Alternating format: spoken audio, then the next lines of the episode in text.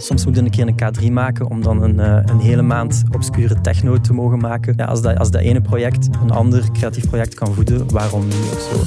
Dit is Podcast Goud. Een podcast over podcasts, voormakers, doormakers. Ik ben Shalini van der Langenberg, creative producer bij podcastagentschap Uitgesproken. Je kan me kennen van Mercury Mysteries, Missy McCartney of The Sorting Hat Revisited. Achter de schermen werkte ik mee aan podcasts zoals Grensverleggers, Clubnet en Zot Schoon. In deze podcast ga ik op zoek naar goud. Podcast goud. Wat dat juist is, dat is moeilijk om uit te leggen, maar je weet het als je het hoort. Soms kan je dat zelfs voelen. In je lijf, tijdens een opname of als je naar een podcast luistert. Maar hoe maak je podcast goud? Waar vind je de verhalen? Hoe herken je een gouden idee en hoe ga je ermee aan de slag? Ik vraag het aan de goudzoekers, de makers zelf dus in feite, van al die geweldige podcasts. Welkom bij Podcast Goud. Het leven is geen ponykamp. Met Podcast Goud wil ik heel graag makers op een piedestal zetten en het medium vieren, maar we moeten er eerlijk over zijn. Er komen ook heel wat uitdagingen bij kijken om een podcast te bedenken, produceren en distribueren, of vooral om als maker uw boterham te verdienen. En ook daar moeten we het over kunnen hebben in deze podcast. In de vorige aflevering had ik het met podcastmaker Achille van Ingelgem over bedrijfspodcasts. En toen ik vroeg of hij tips had voor makers of bedrijven die met een branded podcast aan de slag willen, zei hij dit. Ik denk dat we sowieso nog heel veel stappen te zetten hebben. Als Belgische podcastmarkt denk ik dat we een beetje achterhinken. Iedereen wil een podcast momenteel, maar dat maakt niet elke podcast even relevant of even leuk om naar te luisteren. Dus ik denk dat het zaak is om een invalshoek te vinden die maakt dat uw verhaal relevant wordt. En dat is niet altijd evident. Uh, nope zeker niet evident. En dus kunnen we daar wel wat hulp bij gebruiken. Deze aflevering wordt dus een beetje een specialeke. Ik heb daarvoor Tom en Niels in de studio zitten. Hallo. Hey, Welkom.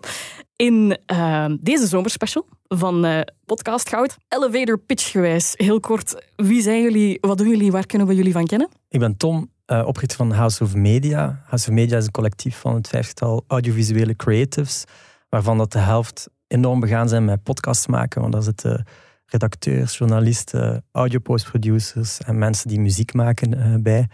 En uh, ja, ik denk dat we op wekelijkse basis bijna 25 uur aan podcast mee creëren met verschillende partners, uh, ja, ook merken, et cetera.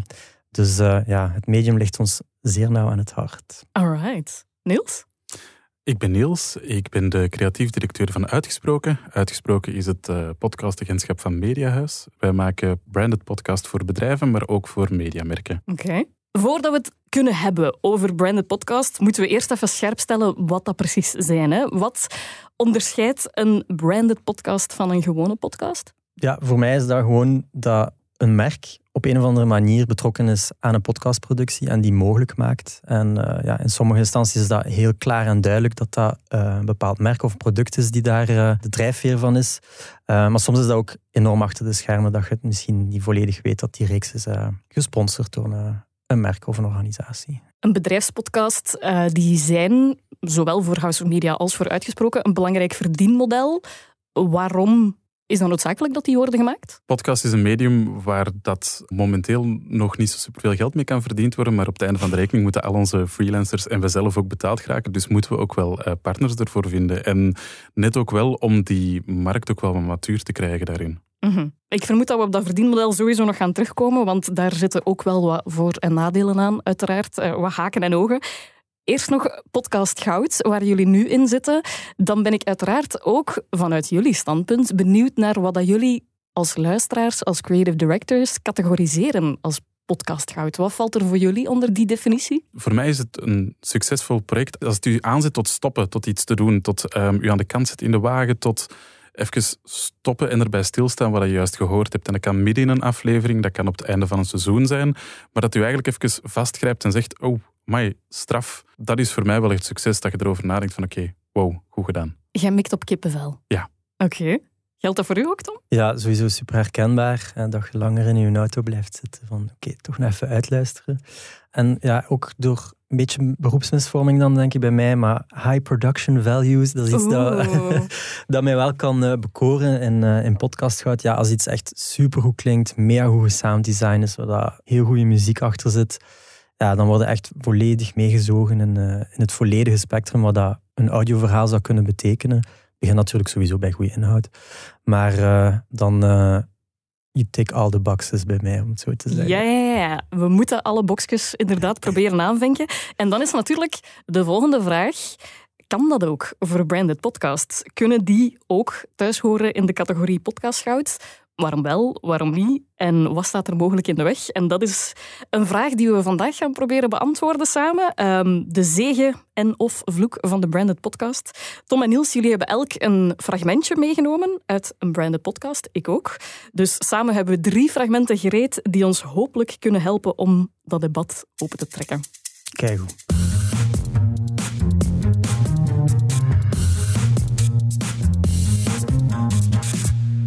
Ik eh, begin bij jouw fragmentje. Wat gaan we horen? We gaan direct eh, heel creatief gaan. Zijnde een fictiepodcast, branded fictiepodcast. Eh Hypnopolis, betaald door BMW. Oké.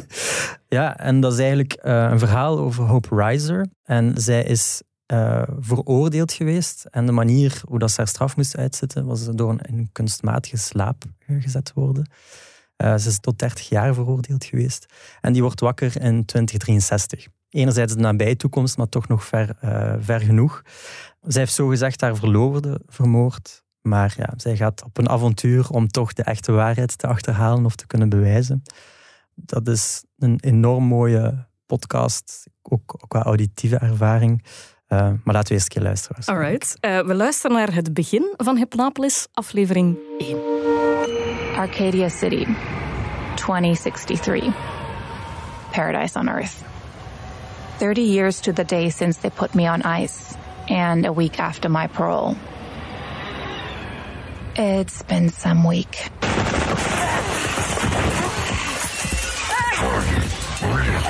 Cease fire! No one kills her but me! That was almost impressive, Riser. I'll give you an A for effort. Je zei het er daarnet al, Tom. Hypnopolis is een podcast van BMW. Waarom wou je dit specifiek laten horen? Maar enerzijds is dat een mooi voorbeeld dat je niet per se dus over je product moet vertellen in een branded podcast. Ja, naast het feit dat je voor fictie kiest, dus dat is al een heel creatieve invulling van wat een branded podcast kan zijn, is dat ook een mooie manier hoe dat een merk hun producten niet echt voorop zetten, maar het gaat meer over hun visie. Dus als zij als merk ehm, nadenken over de toekomst, over de nabije toekomst, dus dan zet je eerder meer als soort, eh, ja, dat is ook weer een krachtterm ondertussen, maar zo thought leadership heet dat dan. Ehm, probeer ze door die podcast ja, een toekomstvisie te scheppen.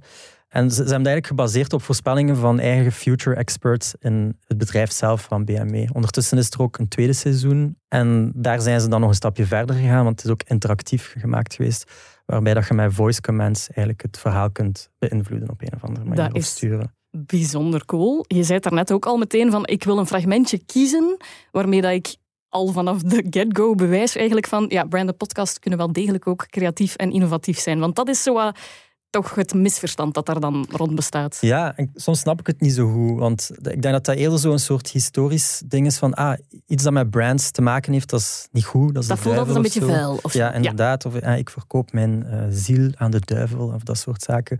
Zelf als muzikant en vroeger als audioproducer ook wel mee gestruggeld met die ideeën zo van oké, kan ik dat wel doen? Maar in die end, je wilt creatief zijn. Als er iemand u iets vraagt om te doen, ga jij daar jouw eh, invulling altijd aan geven. En mocht het niet goed voelen, dan doe het alsnog niet. En soms, in muziektermen, eh zeg je dat dan zo van, ja, soms moet je een keer een K3 maken om dan een, eh, een hele maand obscure techno te mogen maken. Ja, als, dat, als dat ene project een ander creatief project kan voeden, waarom niet of zo?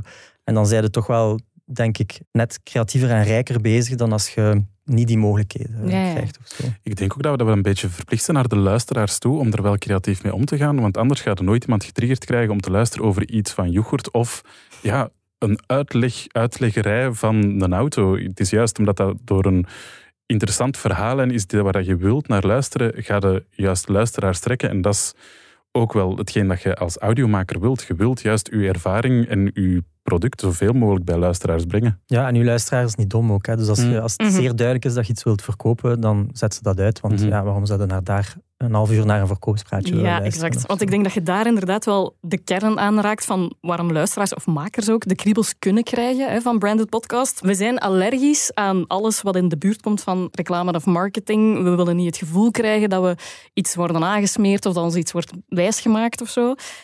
Maar het is dan eigenlijk te kort door de bocht om dan te zeggen van ah ja, oké, maar dan moet het als maker maar niet doen. Want eigenlijk is dat een beperking. Ja, en dat is gewoon een vooroordeel. Ik denk ook gewoon, podcast is nog een beetje punk, om het zo te zeggen. Er zijn, er zijn nul regels. Ik heb, dit- dat is niet een quote van mij, dat is een quote van Andries Bekkers. Maar podcast is nog een beetje punk.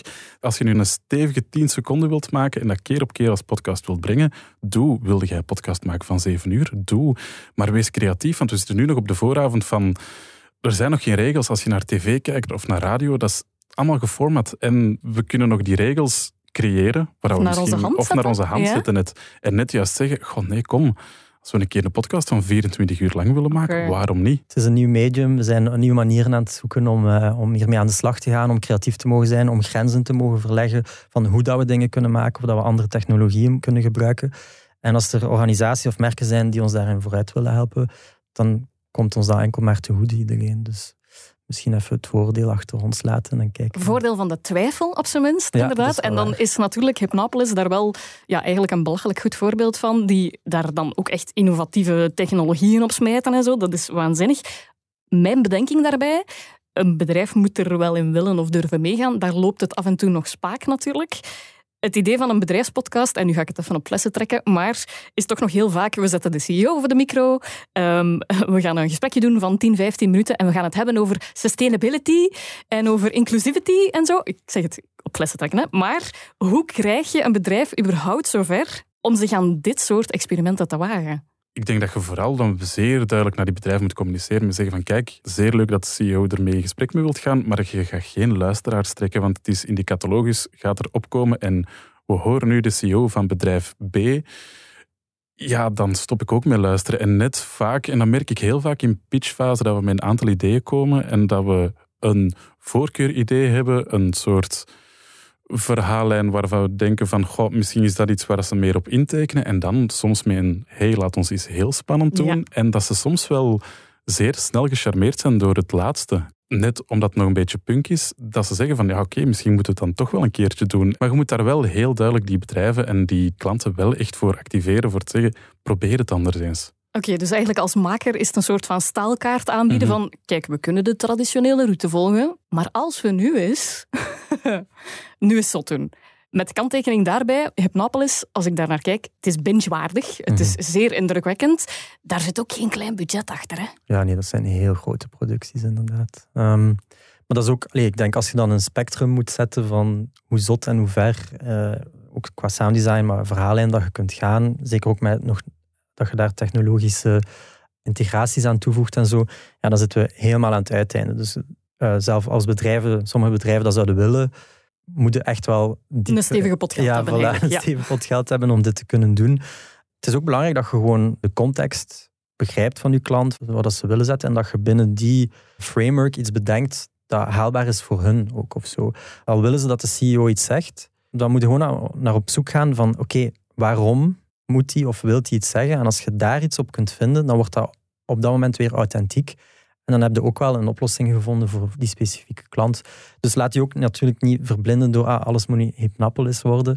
Ja, het, hele, het hele spectrum mag bestaan, maar ja, opnieuw, het zijn wel bedrijven en organisaties die soms een stap meer durven zetten. En, eh, Die dat er misschien ook meer uithalen dan. Hè? Uit inderdaad de investering, die Ja. dan hopelijk de moeite waard blijkt te zijn. Want het lijkt ook misschien voor bedrijven vooral heel contradictorisch dat die name drops en die expliciete promopraatjes niet nodig zijn. Ik kan me voorstellen dat bedrijven er ehm, zeker aanvankelijk helemaal anders in staan en die denken van ja, maar dat is toch wat we willen. We willen onze naam laten vallen en we willen dit is ons merk en dit is... Maar dat het eigenlijk als maker, vanuit jouw expertise als maker, dat je weet van je zal waarschijnlijk meer je doel bereiken als je het innovatiever probeert aan te pakken. Is dat een soort educatie die dat je moet doen als maker? Je moet ook wel in het achterhoofd houden, bijvoorbeeld in onze kranten komt heel veel reclame voor, maar op het einde van de dag of het einde van het weekend ligt die krant in de prullenmand. Een podcast kan je creëren dat die tijdloos is, dus dat die eigenlijk een levensduur heeft van enkele jaren en dat die wel steeds aanwezig blijft. En dat zorgt wel dat dat merk consequent wordt gesteund. Ik denk ook zelfs dat Hypnopolis is ondertussen, dat eerste seizoen is toch al hoeveel jaar oud? Ik heb geen idee. Het heeft wel al prijzen gewonnen. Ja. Het heeft letterlijk awards gewonnen, net omdat het inderdaad zo innovatief is. Dat zijn ook manieren waarop dat je eigenlijk impliciet zegt van Mhm. ja, wij zijn wel het merk van de toekomst, hè jongens? En we spreken er nu ook over. hè. Ja, exact. wij zijn nu wel extreem niche natuurlijk. Maar ehm, als ik heel even terugkom op het budget. Hè, je zei al van, oké, laat ons eerlijk zijn, in Vlaanderen gaan er niet bijster veel bedrijven zo'n grote zak geld kunnen leggen. Wat komt er dan eerst? Kip of het ei? Is het eerst het creatieve idee en dan hopelijk het budget? Of een budget en op basis daarvan een realistisch concept? Ik denk dat je altijd eerst met een creatief idee kunt gaan, want ik weet niet of dat het bedrijf daar snel naartoe zou grijpen met te zeggen van kijk, we gaan ook een podcast maken, een fictiepodcast willen bestellen over een tijdsgeest van over 30 jaar. Daar gaat de klant minder snel mee naartoe komen, maar net het feit dat we daar naartoe gaan en zeggen kijk, we hebben misschien een heel straf idee. Het is misschien een fictieverhaal, maar ik geloof wel dat het werkt. En ik denk dat die kanttekening onze job zo interessant en leuk maakt. Net het spelen naar gekke ideeën toe. Ja, en het is dat dat soms de deur open Mhm. Wij ervaren dat toch, denk ik, vaak. Is dat de zotste projecten die we verkocht krijgen, komen vaak vanuit dat potje van oké, we hebben hier een supercool idee. Laten we kijken of er een partner is die daar eventueel interesse in is. En je klopt met je gekste idee aan de deur. Ik denk ook wel dat je echt moet kijken. Ik heb een geschiedenis in televisie en ik weet dat daar op een week tijd passeren er 50 pitchen voor nieuwe televisieprogramma's. Vaak hele goede televisieprogramma's die nooit gemaakt worden. Maar dat zijn 50 ideeën die per week passeren. Je kunt uitrekenen hoeveel dat per jaar is. Maar er zijn maar in een week tijd eigenlijk 10 plaatsen waar dat een televisieprogramma kan gemaakt worden. En die krijgen heel vaak een nee. Als er 50 ideeën worden gepitcht, blijft er één, misschien twee die een ja krijgen. Of eigenlijk zelfs een misschien. En daarom denk ik wel, als je een project wilt maken, denk ik wel dat je soms heel veel moet pitchen, heel ruim moet pitchen, maar ook wel niet te snel ontmoedigd geraken. Oké, ik heb met mijn één idee, raak ik er niet, want ja, dan ga je heel snel ontmoedigd geraken, denk ik. Dat klinkt een beetje alsof je ons aan het opvoeden bent. Dus we mogen ons niet laten ontmoedigen en we moeten gewoon veel pitchen en het liefst zo creatief mogelijk. Tuurlijk.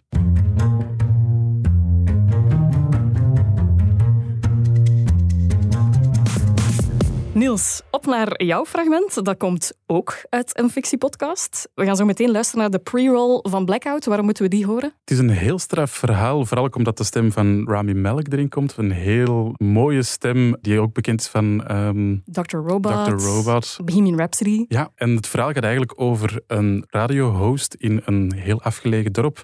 En de naam zegt Blackout, alles valt uit en er is geen communicatie met de buitenwereld. En wat er in die maatschappij gebeurt, is een heel straf verhaal. Zeker een keer luisteren. Maar het gaat eigenlijk eerder over de korte reclame dat er eigenlijk voorvalt. Ja, we gaan niet luisteren naar een stukje uit de aflevering, maar specifiek naar de pre-roll, superkort. Dus hij is zo voorbij. Blackout is presented by Sonos.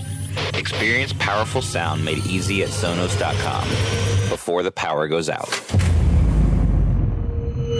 Dat is met moeite 10 seconden. Hè? Heel kort, zo voorbij en toch relevant volgens jou, Niels. Waarom? Het interessante daaraan is, Sonos is partner voor deze podcast. En voor de rest passeert eigenlijk geen reclame in. Het triggert in die korte reclamespot van 10 seconden. Hey, wil je echt naar een heel goede luisterervaring? Koop onze speakers. Maar dat zorgt ervoor dat de rest van de podcast eigenlijk is kunnen gecreëerd worden zonder invulling van een merk. En dat is ook een manier dat er eigenlijk creativiteit kan gelegd worden, denk ik. Want haalt Sonos daar dan voldoende uit, denk je? Het heeft mij toch bijna aangezet om een Ah. Sonos speaker te kopen. dus ermee. Duidelijk wel. Oké, oké. Waarom de keuze voor een pre-roll? Want dat lijkt minder te maken hebben met het productieproces van een podcast, toch? Ja, nu even kaderen. Pre-roll is de reclame die voor een podcast komt. Je hebt ook mid-roll en end-rolls. Maar dat zorgt ervoor dat je ook op een andere manier je eigen passieproject kunt brengen met een bedrijf dat zegt van ja, kijk, het leunt aan tegen ons. Ik zet de reclame voor en jullie betalen eigenlijk mee voor mijn productieproces, voor mijn passieproject te kunnen maken. En daarom dat ik dit heb gekozen, omdat het echt de, ook de andere kant toont van een soort verdienmodel erin. Ja, dat heeft zijn nut, hè, als ik het goed voor heb. Als in, daar zit een open markt waar dat bedrijven kunnen inspringen. Ja, zeker. En ik denk in dit voorbeeld, want ja, je kunt een post-roll of een mid-roll doen en dan vaak zijn die ook heel irritant. Soms, ik weet niet of ik dat moet zeggen, maar als het geïntegreerd kan zijn, zoals uw voorbeeld nu, dan verstoort het uw luisterervaring niet. Dus als je dat soort dingen kunt bekomen, dat er eigenlijk geen frictie meer ontstaat door whoever eh, uw, uw podcast aan het eh, sponsoren is met, met dat soort eh, pre-rolls of mid-rolls, dan passeert dat gewoon. En dan kunnen we nog altijd je ding maken. En gelijk dat je zegt, daar is een markt voor aan het ontstaan. Er zijn ook veel ontwikkelingen, ook op Vlaams niveau, om daar ja, misschien nieuwe platformen of dat soort zaken uh, voor te ontwikkelen. Dat soort inkomstenmodellen die je op een YouTube eigenlijk ook al hebt op een Mhm. of andere manier, kunnen mogelijk maken in, eh, in podcasting. Maar ja, mijn voorkeur gaat dan wel naar een mooi geïntegreerde mooie, ja, ja. dan... eh, Dus dan is eigenlijk ook daar de boodschap richting makers dan een kwestie van die kennis. Van in principe, is dat een mogelijk verdienmodel om uw passieproject te kunnen maken? Om dat in uw voordeel te gebruiken. Want hoe doe je dat? Wederom, zoals we er juist zeiden, stoute schoenen aantrekken, denk Ja, ik. Ehm, in deze fase is het voor sommige makers wel moeilijk om te zeggen, ik ga een podcast maken, wil hier ervoor komen. Maar ik denk, zeker als we over podcast spreken, spreken we heel vaak over fans creëren in plaats van luisteraars meenemen. Ik denk als die fanbase er is, en je kunt naar een bedrijf zeggen, hey, ik heb echt een heel gericht luisterbereik, dan denk ik wel dat bedrijven ook wederom kunnen gecharmeerd worden, maar het gaat altijd over die stoute schoenen aantrekken zijn. Ik denk wel in dit geval wat hij nu zegt, post-roll, mid-roll, pre-roll, dat dat makkelijker toepasbaar is op een lopende reeks al of zo. Mhm. Dan ga je sneller iets kunnen loskrijgen. Omdat je al het bereik hebt. Ja, Ja. inderdaad. Je kunt proberen from scratch, maar dan heb ik eerder het gevoel dat we meer in de vorige situatie zitten, waarin dat je misschien ook een verhaal of een visie brengt die heel dicht bij, bij het merk zit. Mhm. Mhm. Er zijn andere voorbeelden die ik geweldig vind. Je hebt nu een voorbeeldje meegenomen van Blackout. Maar reclames kunnen ook echt deel uitmaken van een podcast. En dan wordt het inderdaad, wat jij zegt, Tom, ongelooflijk straf. Ik weet niet, kennen jullie Worklife? Van Ja. Adam Grant. Ik ken hem, ja. Dat is een TED-podcast. Dat gaat over arbeid en werken. Dat is een arbeidspsycholoog. En die reclames zijn onskipbaar, want die zijn afgestemd op de inhoud van die specifieke aflevering. Dus stel bijvoorbeeld, het is een aflevering over extravert zijn, introvert zijn, dan is de reclame ook echt een verhaal vanuit een bedrijf die hebben ingespeeld op extravert zijn en introvert zijn. Mhm. Ongelooflijk straf, want dan denk ik, ja, kak. Normaal gezien is, is dat de reflex, hè. 15 seconden, 20 seconden, Ja, 30 ja. seconden skippen. En dat gaat niet. Dan denk ik, miljarden zo gedaan. Ja, het is ook zo'n voorbeeld, maar ik ga dus de naam sowieso fout zetten. Ik denk Jamie Lydell of een straffe artiest die een podcast heeft over eh, muziek en muziek maken. En die wordt dan ook gesponsord door bepaalde ja, muziekmerken die een bepaald effect of whatever hebben. En wat hij dan doen is, hij probeert daar een stukje muziek Mhm. te maken met dat effect of eh, dat instrument of zo. En ook daar wilde gewoon naar luisteren op dat moment. Ja. Dus dat is dan een heel mooie integratie van... Het is eh, eigenlijk gewoon een kwestie van het te laten kloppen in het universum dat je hebt gecreëerd. hè. Ik moet nu spontaan denken ook nog aan een ander voorbeeld. Conan O'Brien Needs a Friend. mhm. Conan O'Brien, geweldige comedian. Natuurlijk, niet iedereen is gezegend met dat soort improvisatieskills, maar die moet ad-reads doen. Die heeft daar een award voor gewonnen. Hè? Zalig. Een iHeart Radio Award voor beste ad-reads. Waarom? Omdat die begint gewoon improv te doen. Die begint een verhaal, dat loopt zodanig uit de hand. En ondertussen heb je wel dertig keer de naam van een brand laten vallen, maar dat stoort niet, want het is hilarisch. Ja. Ook daar is het eigenlijk gewoon een kwestie van creativiteit. En dan komt het weer op het punkgehalte, denk ik. Punkgehalte. Ja. Ja. Ah, ik vind dat een Ja, ja. goeie. Ah, vind ik echt een, een heel goede Ja. conclusie. Meer Dank u wel, punk in podcast. Oké. Ja, nee. Dus ook daar is de tip: wees creatief, durf een voorzet geven en hoop dat een bedrijf toehapt. Dat denk ik wel, ja. Ja, waarom is het belangrijk dat zulke verdienmodellen bestaan? Ik denk ook wel om de markt een beetje matuur te krijgen. Ik ben zeer hard fan van projecten waarbij dat mensen podcast maken uit een grote voorliefde. Maar het is wel, als je daar echt een volwaardige job van wilt maken, moet je wel gaan zoeken naar manieren om inkomsten binnen te halen. Al is het met een branded podcast maken of af en toe een keer een branded podcast maken of pre-roll ofzovoort. Op het einde van de maand moet er eh, geld in het laadje komen. Ja, ja. Op het einde van de maand moeten er dingen betaald worden. Dus Ja, en ik denk dat dat nog een stap verder gaat, is ook jezelf als creative naar waarde schatten. Mhm. Want dat is ook iets dat, als je creative daar enorm goed in bent, is je altijd onderwaarderen of zo. Maar ja, maar ik doe dat toch om- uit mijn plezier. Maar nee, inderdaad, dat is uw creativiteit, dat komt uit uw brein, dat komt uit uw volle goesting om met een volle overgave zoiets moois te maken.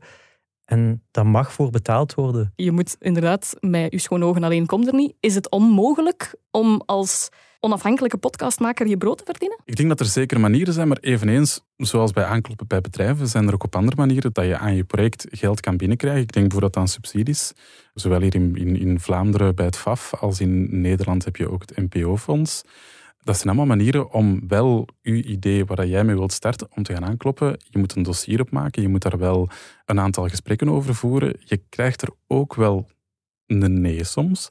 Het is wat hetzelfde verhaal als bij bedrijven gaan aankloppen. Alleen ga je nu bij een overheidsdienst aankloppen om te vragen van hey, kan er soms toevallig iets gebeuren. Money, pretty please. Ja. Ja. Het doet mij spontaan ook denken aan een, eh, een andere learning die Sven Spijbroek heeft meegegeven in een eerdere aflevering. Zorg dat je financiën op orde zijn, nog voordat je eigenlijk een micro aanzet. Ja, dat denk ik zeer zeker.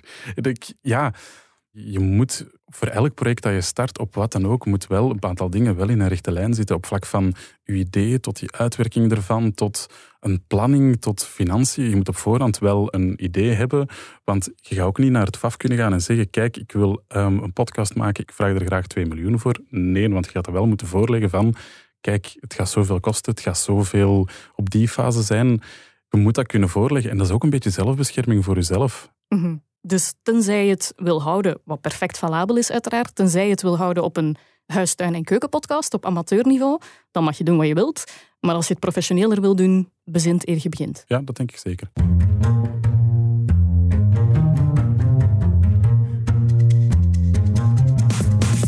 Voor het laatste fragment heb ik een stukje meegenomen uit een branded podcast, waarvan ik op voorhand totaal niet zou hebben kunnen vermoeden dat ik hem goed zou vinden, maar wat ik eigenlijk bijna een masterclass vind in branded podcasting. De podcast heet Flipping the Game en dit is een stukje uit aflevering 1. Where's the women's section? Uh, we don't have really a big women's collection. Oh, you don't have a big women's collection. Why is that? I Don't know. Okay. If you didn't catch that, the salesman said the store doesn't have a big women's collection. There's just one row of women's sneakers. And it only consists of one, two, three, four, five, six, seven, eight. Eight different kind of sneakers and three flip flops. Chocolate thus, if you know what I'm talking about. So my theory is confirmed. This beautiful shoe store sells 72 pairs of sneakers for men and less than a dozen for women. It's nowhere near even. I'm not that surprised because this is what I'm used to. I don't bother looking at the women's section when I walk into a sneaker store like this one.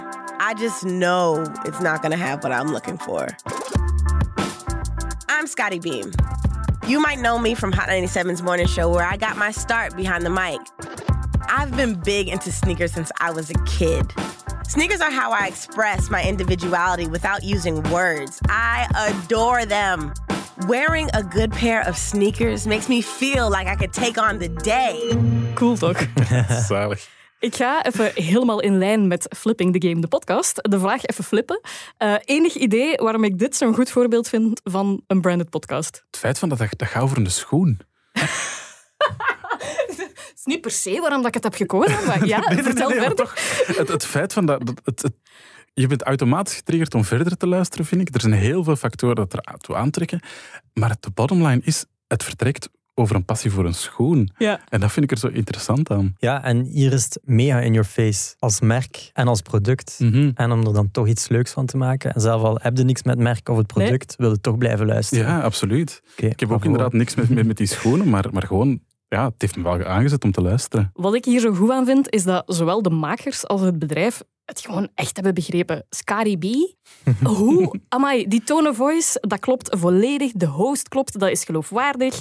Dat is een sneakerhead. Ja. En ik heb zoiets van, ah, oké, jij bent invested. Ja. Ik ook. Dat Ja, en moet. het, het bedrijf is er ook- ook duidelijk in meegegaan. Het feit van, dat is echt ons publiek daarin, dat is waarvoor dat merk staat en, en waar het, dat ook in leeft. En, en dat is net het mooie dat dat zo, zo gezet wordt daarin. Van, doe maar, het is echt top. En ze behouden hun geloofwaardigheid Ja. ook als merk, omdat niet alles wat er gezegd wordt is eh, applaus voor het merk Nee. of zo. Mm. Ze, ze Nee. stelt ook dingen in vraag. Gewoon. vind ik daar bijzonder goed aan. Het Ja. is eigenlijk een podcast die gaat over inclusiviteit, zonder dat er een CEO moet zeggen het gaat over inclusiviteit. Ja. Het is inderdaad niet alleen maar promo voor Reebok in dit geval.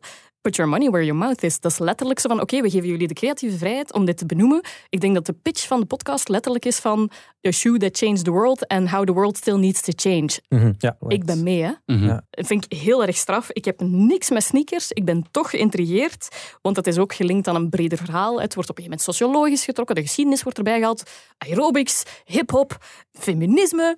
Iets waar dat ik zelf als luisteraar dan wel in geïnvesteerd ben. Terwijl die een schoen, als je met tegen mij gezegd had, ah, een podcast over een schoen.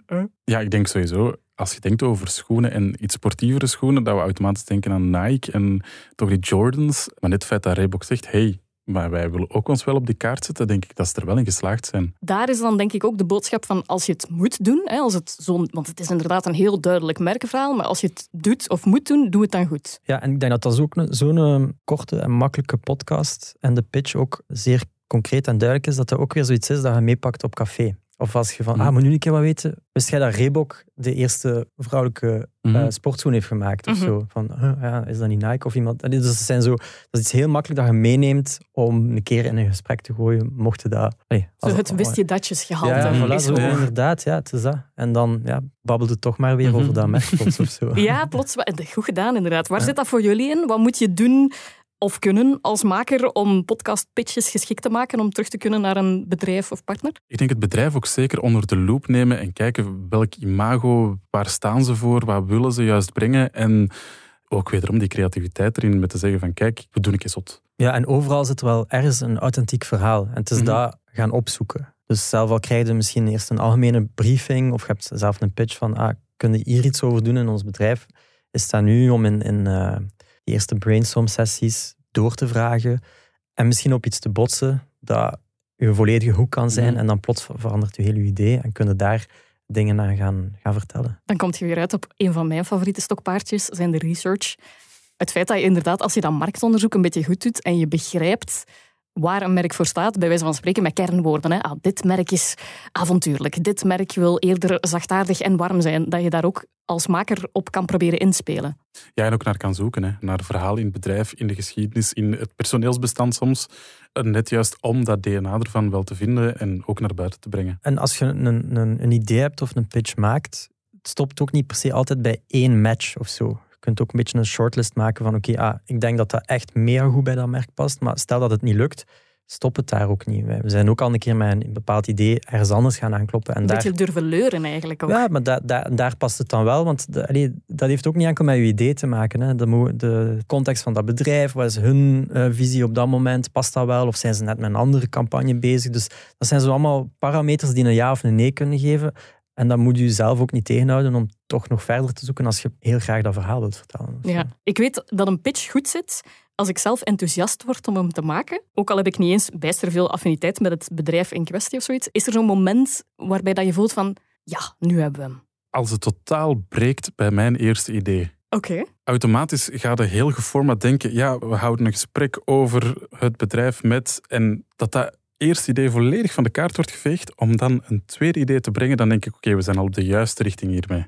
En dat, vind ik wel, Ah, ja, ja. dat vind ik wel een heel groot succesgehalte daarin. Tegen alle verwachtingen Ja. in. Flipping the game in feite. Flipping the game. Ah, goed.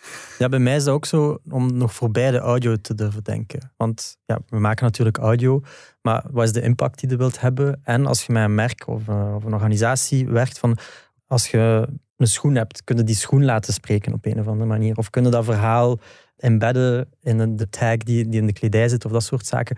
En zo kun je ook nog verder gaan nadenken voorbij je verhaal, voorbij hoe dat je het zelf gaat maken. En dat kan ook weer meer waarden of iets exciting creëren rond dat ene, die ene pitch of zo. En zeker ook omdat je daarbij, stel voor je een idee pitcht bij een bedrijf, dat je ook naar een, de meeste bedrijven hebben een marketingteam dat je podcast triggert om inderdaad die andere campagnes op gang te zetten. En moet je niet zelf als podcastmaker nu denken van oké, ik moet nu ook al een videocampagne, fotocampagne enzovoort moeten beginnen denken, maar dat je podcast juist kan triggeren naar, die, Ja. naar dat marketingteam van en nu jullie. Ja, stop niet bij video, stop niet bij podcasting, stop niet bij advertising. Het kan allemaal op een of andere manier met elkaar gelinkt worden of elkaar versterken. Eigenlijk is het ook daar weer, hè. laat u niet beperken. Eh, sky is the limit, wees creatief en wie weet waar levert het op. Ik onthoud uit dit gesprek vooral podcast is punk. We moeten vooral creatief durven, willen en blijven zijn. En dan hopen dat de centjes volgen. Dat is wel een beetje mijn conclusie. Tot zover deze zomerspecial. Niels, Tom, heel erg bedankt om ons mee te nemen in de wereld van de bedrijfspodcast. Ja, en Andries voor de punk quote. Andries, eh, copyright voor de quote. Inderdaad, dankjewel Andries.